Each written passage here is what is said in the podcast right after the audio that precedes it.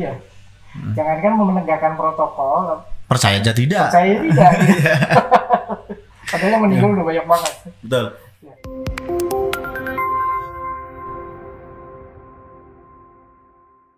Assalamualaikum warahmatullahi wabarakatuh. Waalaikumsalam warahmatullahi Jumpa kembali di Focus, Fokus Banyumas Podcast. Uh, podcast kali ini menghadirkan salah satu. Oke, pemirsa yang budiman di mana pun anda berada, kali ini Fo- Focus uh, kehadiran seorang dokter. Dokternya masih muda dan ganteng, yaitu Dokter Rosa Indiarto MM, yaitu Direktur Rumah Sakit Ortopedi Purwokerto. Assalamualaikum dok. Waalaikumsalam, Sehat Mas selalu. Islam. Ya, Alhamdulillah. siap. Masih semangat selalu ya dok. Amin, amin. Alhamdulillah. Oke, eh, Dokter Rosa selain Direktur Rumah Sakit Ortopedi Purwokerto atau RSOP, beliau juga adalah Wakil Ketua 1 ID, betul dok? Iya, betul. Dan Ketua Tim Mitigasi COVID-19 ID Banyumas. Ya. Eh, jadi kali ini tamu kita eh, adalah penting. Kita harus menggali informasi sumber-sumber terkait COVID-19 yang sebentar lagi ulang tahun, dok.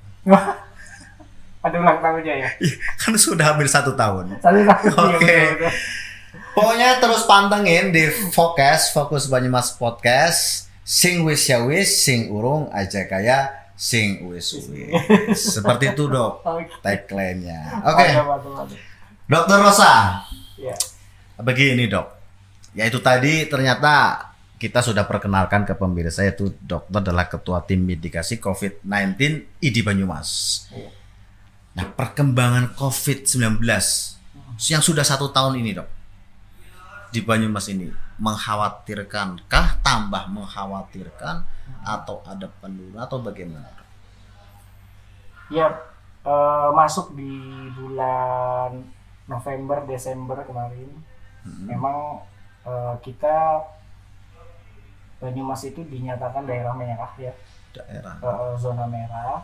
Itu juga yang mengumumkan Bapak Bupati dan juga Kepala Dinas Kesehatan Banyumas.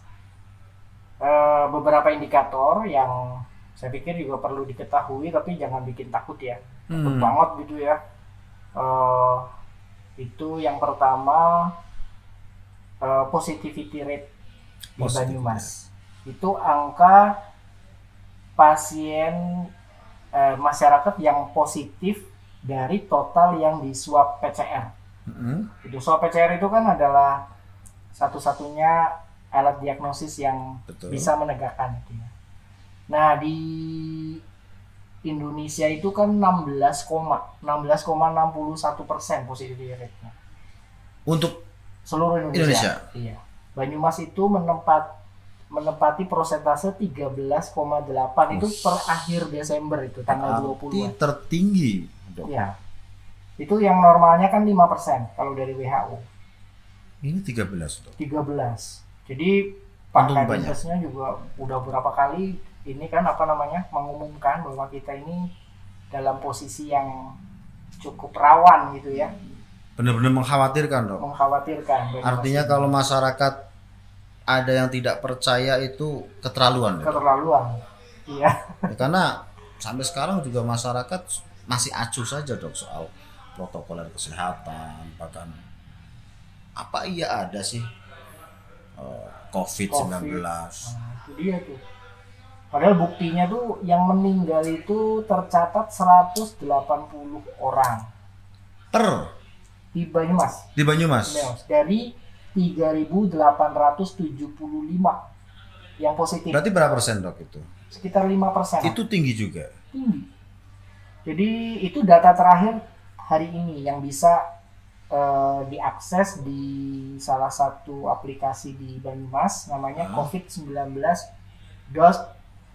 banyumascup.go.id. Oke, artinya masyarakat untuk mengetahui sumber yang benar tentang COVID-19 bisa dibuka di akses channel eh akses Oh, aplikasi. Ya, Akses aplikasi COVID-19 COVID-19 dot dot banyumaskap banyumaskap dot go dot id.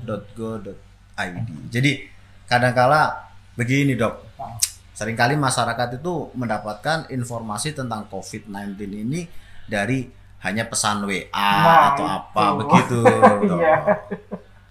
Jadi ini sumber yang jelas kalau untuk di wilayah Banyumas Banyumas. buka di aplikasi itu. Itu. Bahkan orang bisa eh, menghubungi Hmm, ada nomor teleponnya. Jadi kalau yang nomor telepon yang hotline itu 119. Gitu. Yang lainnya saya nggak hafal ya, itu 0281 satu satu hotline-nya. hotline-nya. Oke. Jadi bisa. begitu. Pemirsa, Ya. kalau mau tahu sumber jelas tentang bagaimana perkembangan COVID di Banyumas, juga mengetahui sumber-sumber yang akurat melalui aplikasi yang sudah dokter tadi sebutkan. Jadi perkembangan COVID di Banyumas itu relatif mengkhawatirkan untuk satu tahun ini ya dok. Betul. Tapi saya tidak menakut-nakuti ya. Tetap waspada pokoknya intinya. Karena kewaspadaan ini penting karena ada beberapa masyarakat yang bahkan tidak percaya ya. Iya banyak malah Itu dia. Jangankan menegakkan protokol, percaya aja tidak. percaya tidak. Padahal yang meninggal udah banyak banget. Betul. Ya. Artinya oke, mereka sudah di uh, sudah buktinya banyak yang Oh, oh. yang meninggal tapi tetap tidak percaya. Mungkin berkaitan juga, Dok. Ada kasus-kasus Covid nih, Dok. Iya. Yang saya baca di beberapa media itu di masyarakat itu seperti pasien yang merasa di Covid-kan, padahal mungkin dia karena penyakit bawaan atau apa terus akhirnya karena eh COVID ini kalau di masyarakat ada orang meninggal itu jadi meninggalnya COVID dok. Itu sering kali terjadi seperti itu. Itu gimana dok? Jadi mungkin salah satu polemik yang terjadi itu kalau saya eh, telusuri ya Iya. semua kejadian yang di Banyumas maupun di luar Banyumas untuk tenaga kesehatan. Karena memang tenaga kesehatan kan yang memang eh, diamanahkan menegakkan protokol. Betul. Dari mulai yang sakit terduga aja ya Mm-mm. kemudian sakit positif masuk di isolasi hingga eh, meninggal. Yang kami lakukan itu dari tenakes itu sebenarnya eh, mitigasi risiko namanya mitigasi risiko resiko. Artinya mengukur resiko sejauh mana se- seseorang itu eh, terduga COVID gitu ya, terduga terduga COVID untuk mencegah resiko yang lebih parah. Gitu. Jadi kadang-kadang ada beberapa pasien eh, dengan gejala yang khas, namun kan memang untuk menegakkan diagnosisnya kan memang memerlukan PCR. Gitu. Nah, jeda antara terduga atau kita sebut suspected oh, Covid. suspected ya dengan tertegak menjadi positif atau confirm itu kadang-kadang jaraknya lama karena kendala teknis. Sebagai contoh misalnya mesin PCR yang relatif masih terbatas. Hmm, Sehingga jarak dari mulai diambil sampel hingga keluar hasil itu bervariasi. bervariasi ada Ya, ada yang tepat dua hari. ada Misalnya yang beberapa lab itu menetapkan sebuah standar ini dari dari sampel sampai dengan hasil keluar dua hari. dua hari Ada yang sampai karena dia menunggu giliran hingga 10 Nah. hari. Itu dok yang menjadi masalah dok. Jadi eh, artinya dengan menunggu bagaimana akan penanganan cepat pada saat kita mendapatkan hasil saja lama Betul. kan seperti itu dok. Jadi itu memang kendala bagi kita. Kendala. Kendalanya di situ. Oke. Cuman memang eh, tata laksana yang suspected Mm. itu kan juga ada catatan-catatan tertentu. Salah satunya eh, yang bergejala ringan dan sedang saat ini memungkinkan untuk isolasi mandiri. Hmm, betul. Jadi tidak perlu harus harus di rumah sakit di ruang isolasi yang rumah sakit. Tapi itu juga tergantung kesadaran manusia itu sendiri. Dok. Betul. Dan cara bagaimana isolasi mandiri di Iya. rumah. itu Iya. juga mengkhawatirkan sebenarnya. Oke, kamu so- isolasi mandiri saja itu yang diharapkan, tapi dia nggak isolasi. Jadi dia isolasi. Dia masih main ke kafe. Betul. Bahkan di rumahnya sendiri belum tahu kan sebenarnya teknis Betul. isolasi Isolasinya mandiri. bagaimana? Karena- Artinya pokoknya kalau ingin mengetahui semua yang berkaitan dengan COVID-19 di aplikasi tadi ya dok, Iya, ada juga yang nasional di COVID-19. Oh, yang nasional? Go.id. covid19.co.id. Iya. Oh. Jadi begitu pemirsa, pokoknya ini mengkhawatirkan. Ini tapi jangan takut, tetap apa tadi dok? Saya tadi sebelum kita ngobrol itu ada istilah iman, imun Aman. dan aman. Iya. Itu juga juga penting ya dok. Penting sekali. Iman. Ya, iman tuh ya kita harus beriman ya karena ini semuanya kan dari Allah, dari Tuhan. Betul. Kita harus yakin bahwa Allah yang akan angkat ini penyakit. Gitu. Tapi bukan berarti juga Tidak berikhtiar. tidak berikhtiar. Terus nekat ya, Tuh. apalagi nggak percaya. Nggak percaya. ini bener-bener ini. Ada ini. Ada. gitu. Iya. Barulah menggunakan imun. Imun, Imunnya makan, makan, nggak stres. nggak stres, olahraga, Oh, siap olahraga. ya, kemudian Aman. eh, vitamin ya, Vitamin. makanan bergizi, kemudian baru terakhir aman. Hmm. Itu semuanya sih eh, dilakukan bersama-sama ya, bukan Tuh, sebuah jaga periode. jarak, begitu istilah pakai Ya, masker. 3M itu. 3M itu. Mm-mm, mencuci tangan, menjaga jarak, memakai masker. Oke, jadi iman, imun, aman. Aman. Jadi setelah ternyata nih angka kematian eh, karena COVID-19 itu tertinggi di Banyumas itu tertinggi bahkan ada salah satu media mengatakan tertinggi di dunia dok. Ya. Nah, apa yang sudah dilakukan atau apa yang segera dilakukan untuk mengantisipasi ini semua dari tim mitigasi COVID-19 ID Banyumas sebagai panjenengan dokter ketuanya gitu. Iya, iya. Ya langkah pertama kami bentuk tim waktu itu dan kemudian kita aktif berkoordinasi dengan ID wilayah Jawa Tengah dan pusat. Pusat. ya. Karena ini juga amanah dari eh, Kementerian Kesehatan. Dan memang catatannya itu Indonesia saat ini dokter yang meninggal itu sudah 502 500 502 pak dokter meninggal. Itu belum termasuk perawat bidan dan lain-lain yang menempatkan Indonesia di posisi peringkat pertama di Asia. Peringkat pertama di di Asia. Asia untuk yang dokter meninggal. Dan lima besar dunia. Jadi kenapa kok ini menjadi perhatian? Karena Tenakas ini kan garda depan untuk bisa menghadapi pandemi ini. Dan Betul. ini diprediksi juga kita masih terus berlanjut. 2021 ini tidak boleh berpuas diri gitu ya. Bahkan sekarang kan posisi Banyumas merah ya. Betul. Eh, kita melakukan mitigasi kepada dokter-dokter terpapar dan melakukan bantuan. Gitu. Bagaimana caranya agar angka sembuhnya 100% Hmm. dari yang positif. Gitu. Iya. dan ini merupakan salah satu langkah strategis di luar eh, penanganan kepada masyarakat. Karena tenakesnya juga harus sehat dong.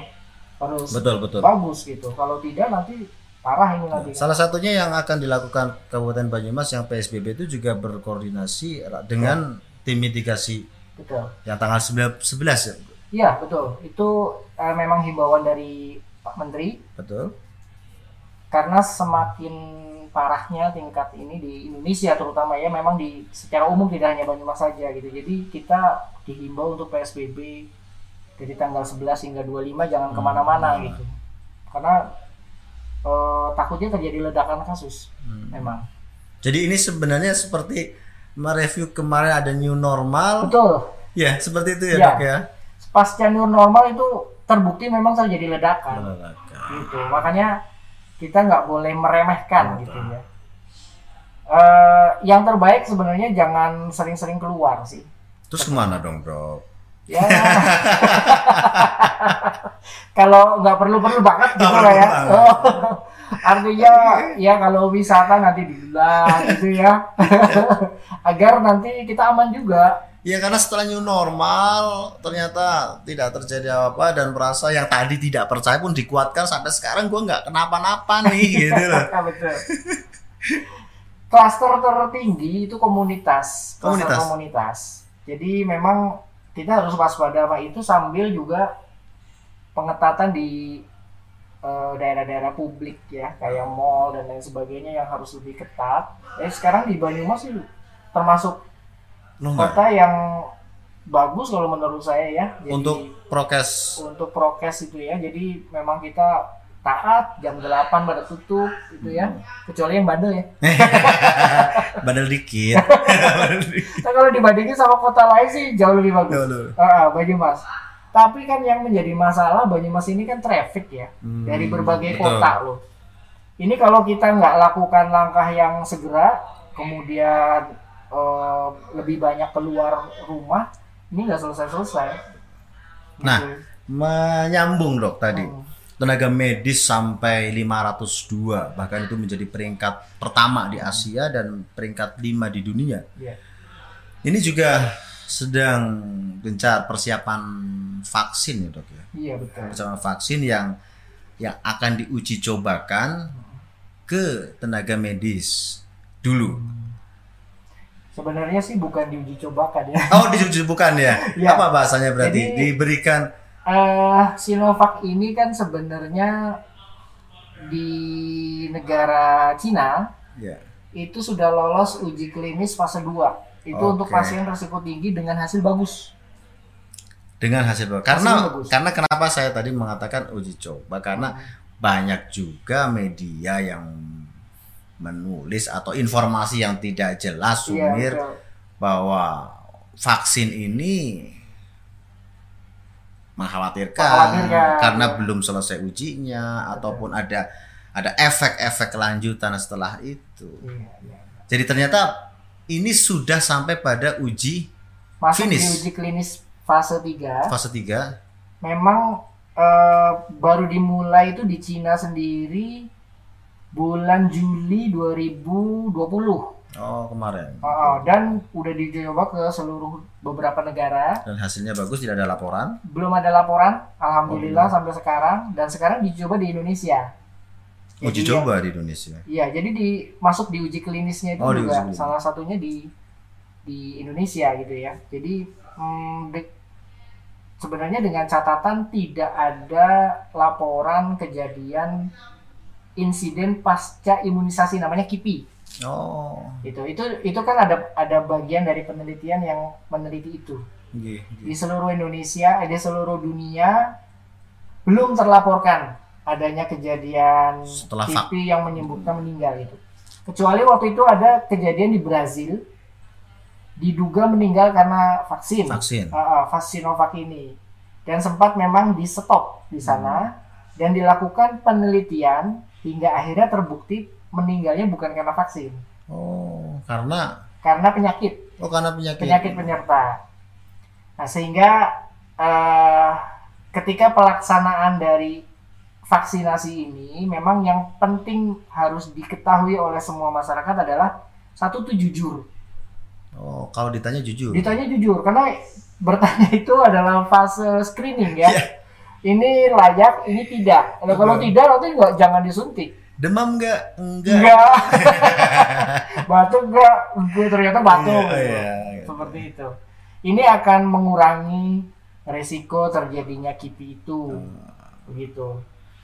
Kemudian juga dari tenaga kesehatan mempersiapkan jika terjadi. Karena memang kasus KIPI ini tidak hanya vaksin COVID, itu semua vaksin seperti itu. Oh. Jadi kalau kita misalnya disuntik hepatitis, Betul. Disuntik MMR, itu pasti ada resiko KIPI itu. Mm-mm. Mudah-mudahan tidak terjadi Tidak ya. terjadi. Tidak terjadi.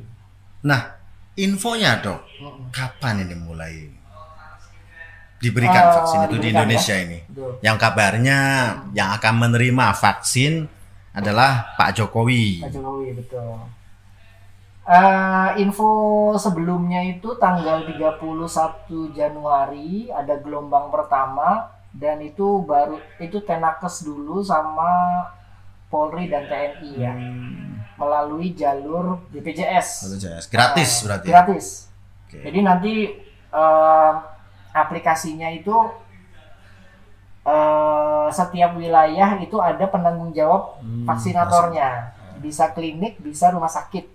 Nah, misalnya Mas Misbah di Iya. daerah mana Mas? Di Proto Selatan. Ah, itu Provinsi Selatan nanti ditunjuk Mas Misbah nanti Vaksinator. Ah, ah, suntik di sini. Gitu. Nanti datang ke sana pertama ngecek pendaftaran, kemudian ada screening. Screening. Nah, Yang misalnya- ditanya jujur tadi harus Oh, jujur. ya. betul. Usia, penyakit penyerta dan lain sebagainya gitu. Kalau nggak masuk syarat, dia nggak bisa divaksin. Dan sorry dok, Nah, masyarakat boleh nggak menolak vaksin itu? kalau di ketentuan terakhir sih boleh, Boleh. boleh gitu. Jadi ada semacam pernyataan tidak bersedia. Tidak bisa untuk divaksin. Iya, tapi memang harus dilaporkan oleh petugas. Gitu. Karena gini, target dari vaksinasi ini sebenarnya 80% populasi Hmm. untuk menghasilkan kekebalan yang disebut herd immunity gitu. Jadi kalau misalnya tereksklusi, kalau misalnya di bawah 20% sih sebenarnya imunisasi ini tercapai sebenarnya. Hmm. Targetnya. Targetnya. Mm-mm. Jadi yang pertama adalah nanti Pak Presiden menerima setelah itu tenaga kesehatan, Betul, Polri, ya. TNI. Gitu. Ini yang gelombang pertama, nanti selanjutnya belum ada 31 Januari infonya. Info pertama begitu, kemudian dimajukan 22 kemungkinannya, Kemungkinan. 22 Januari. Nah, terakhir ini tadi dikasih tahu kemungkinan bahkan tanggal 14 sudah mulai. Sudah mulai pertengahan bulan ini berarti. Iya. Jadi klinik sama rumah sakit itu sedang dikoordinir oleh Dinas Kesehatan untuk bersiap-siap Untuk untuk vaksinasi. vaksinasi. Jadi vaksinasi ini aman ya dok? Insya Allah aman. Aman. Jadi aman. Kembali lagi sumber-sumber jangan sampai juga kita semua itu termakan hoax bahwa saya kita harus yakin bahwa pemerintah eh, berusaha memberikan yang terbaik adanya vaksin ini pasti tujuannya adalah untuk kebaikan Betul. tapi tetap saja dok banyak orang-orang yang intinya Iya. ya kan Betul. nakut-nakuti apalagi orang sudah takut dok Betul. Akhirnya ternyata juga tadi dibolehkan menolak juga. Oh itu juga boleh menolak kok, kan gitu. Tapi diwajibkan nanti salah lagi ya dok. Salah lagi, iya. Ya kurang bijak karena di negara lain juga memang tidak ada denda, tidak ada apa, memang bebas memilih. Cuman memang kita harus memiliki kesadaran bahwa vaksinasi ini adalah salah satu program pemerintah untuk bisa menanggulangi wabah ini selain 3M. Kalau 3M saja nggak akan selesai. Sudah selesai. Masalah. Artinya vaksin ini eh, oke sampai di Indonesia. Nah penyimpanannya dok, Ya. bagaimana dok? Apakah Indonesia memang sudah siap dengan menerima vaksin dalam jumlah besar? Ya, ya. Mungkin ya itu salah satu indikator kenapa dipilih Sinovac ya. Hmm, Mungkin kan ada berapa merek ternyata dok? Ada beberapa merek, ada Pfizer, Hmm, ada Pfizer, Moderna, Moderna, ya, AstraZeneca, Sinovac, terakhir ini Sinovac. Sinovac. Berarti ada lima Lima. merek Iya, vaksin. merek. Yang gratis yang mana dok? Yang saat ini di gelombang satu itu Sinovac, Oh Sinovac yang pakai Oh. BPJS tadi. betul. Itu relatif penyimpanannya yang lebih Mudah. mudah. Jadi proses distribusinya, insya Allah tidak sesulit Pfizer. Hmm. gitu karena dia bisa disimpan di di kulkas biasa suhu 2 sampai 8 Oke. derajat gitu Tahan lama tahan lama sampai berapa dok? bisa beberapa bulan ya enam bulan ya Oh bisa enam bulan. Iya. dan untuk Pfizer tuh penyimpanannya nggak lama itu lima hari Lima hari dan itu harus minus suhunya Eh, kalau itu Pfizer. itu penyimpanan yang ini yang apa Eksklusif. induk Induk. Tapi kalau untuk eh, pendistribusian cukup pakai kulkas biasa 2 sampai 8 tapi cuma tahan lima hari. Oh. Begitu. Jadi bayangkan kalau misalnya kita ke pelosok pedalaman. Iya. Dia cuma tahan lima hari. tahan lima hari jadi ada kemungkinan rusak memang dengan Pfizer Tapi kalau Sinovac bisa sampai enam bulan. bisa sampai enam bulan Yang dipilih untuk untuk yang vaksinasi, vaksinasi. yang akan ini ya merek itu. merek itu mudah-mudahan tidak terjadi kipi ya Iya.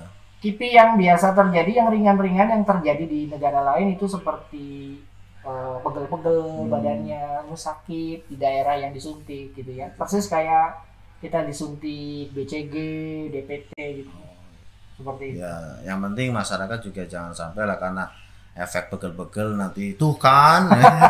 ya betul Hari ini benar-benar luar biasa dok. Perjuangan dokter semua karena ternyata garda terdepan juga kan. Iya. tenaga medis kita berguguran pahlawan-pahlawan kita. Makanya sudahlah percaya saja bahwa ini semua dari Tuhan tetapi kita juga wajib ikhtiar ya dok. Betul.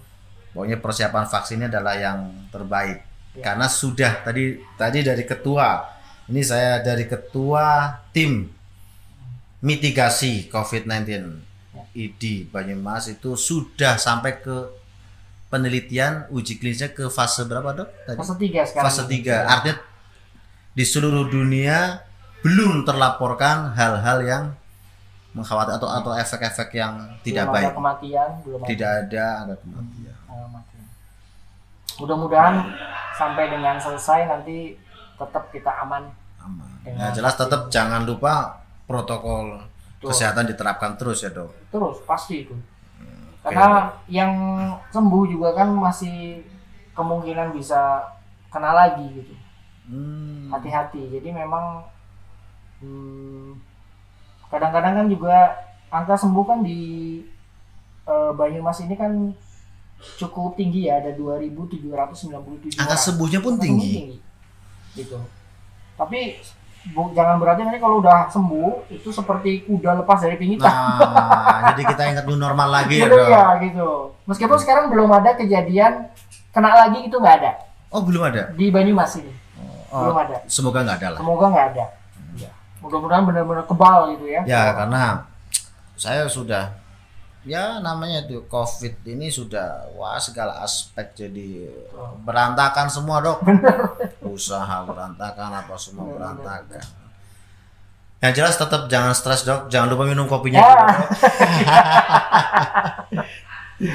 Kopinya minum kopi juga untuk menghilangkan stres dok. Stres. Karena ternyata yang paling bahaya bukan setelah covid stresnya ya dok. Iya bisa jadi. Malah bisa jadi malah bisa jadi lebih bahaya stres stresnya. itu menurunkan imunitas.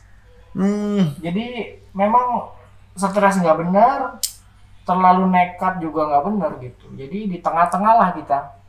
Jadi pun yang disebut iman itu sebenarnya percaya percaya bahwa Tuhan itu pasti akan menolong kita sepanjang kita itu berdoa dan berusaha gitu ya. Memperbaiki perbaiki kelakuan kita.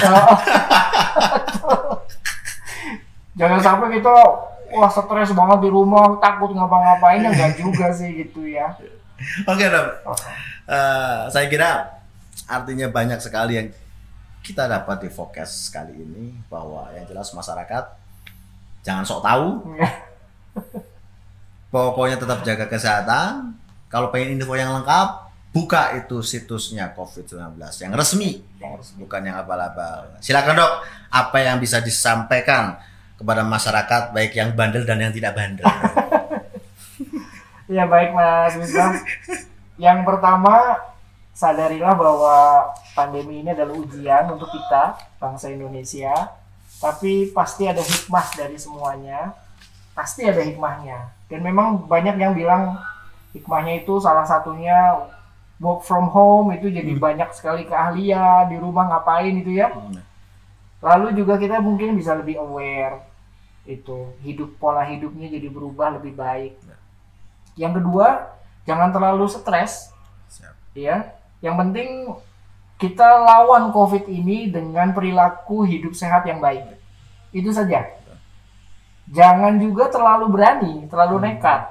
Itu apalagi tidak percaya bahwa COVID ini ada gitu ya. Oh, itu udah ketinggalan zaman yang meninggal udah banyak. gitu ya. Setidaknya kalaupun misalnya eh, apa namanya tidak peduli dengan diri sendiri setidaknya peduli dengan orang lain gitu. Bahwa dirinya bisa menularkan ke orang lain. Apalagi keluarga. Betul pak. Lalu selanjutnya tetap taati protokol. Kita sudah berjalan 3M dan menurut saya sudah di arah yang baik ya. Banyumas terutama saya melihat kalau jam 8 malam udah sepi sini ya. Kecuali yang nakal-nakal artinya kan pemerintah udah bergerak ya. Gitu. Eh lalu ditambahkan lagi kita berikhtiar vaksin saat ini.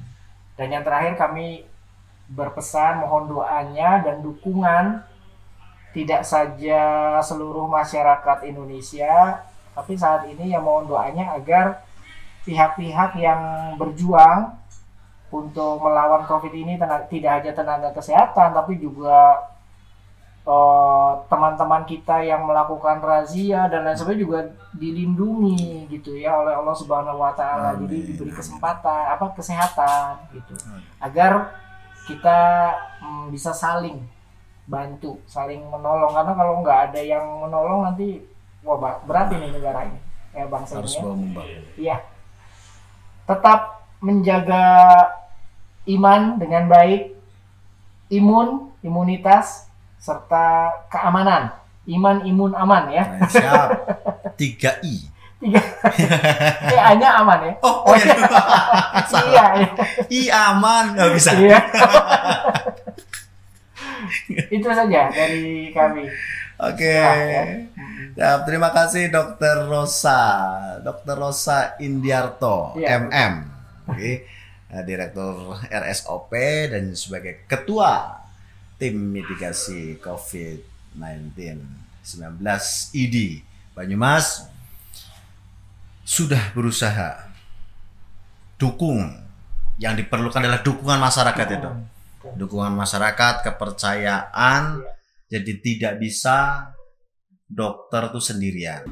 Jadi tetap jaga kesehatan. Semoga kalau kalian tetap nekat kalian akan menjadi daftar selanjutnya jadi harus baik harus kayak gitu dong Gitu ya. Iya. Kalau kalau gitu nggak takut Nggak takut. Nah, oke dok saya minta dokter juga ini ada tagline kita Eh, Jadi Fokes Banyumas itu sing wis ya wis sing urung aja gaya sing wis wis. Nah, jadi kalau sudah mengucapkan ini dong, berarti sudah hadir di Fokes. Wih, Oke, Fokes Banyumas sing wis ya wis sing urung aja gaya sing wis wis. Coba dong. Fokus baju mas, Sing sing, wis ya wis, sing urung aja kaya sing wis wis. Nah, begitu Pas banget dong. ini Pas banget. Pokoknya aja kayak sing wis wis, new normal ledakan. Pokoknya tetap jaga kesehatan. Kita akan hadirkan bintang tamu yang lain untuk informasi masyarakat sekitar Banyumas. Iya. Semoga kita semua diberikan kesehatan, Hmm. diberikan keberkahan oleh Amin, Tuhan ya yang Rabbal Maha Kuasa. Amin ya rabbal alamin. Amin. Terima kasih. Assalamualaikum warahmatullahi wabarakatuh. Waalaikumsalam. Terima kasih. Terima kasih Mas Bintang.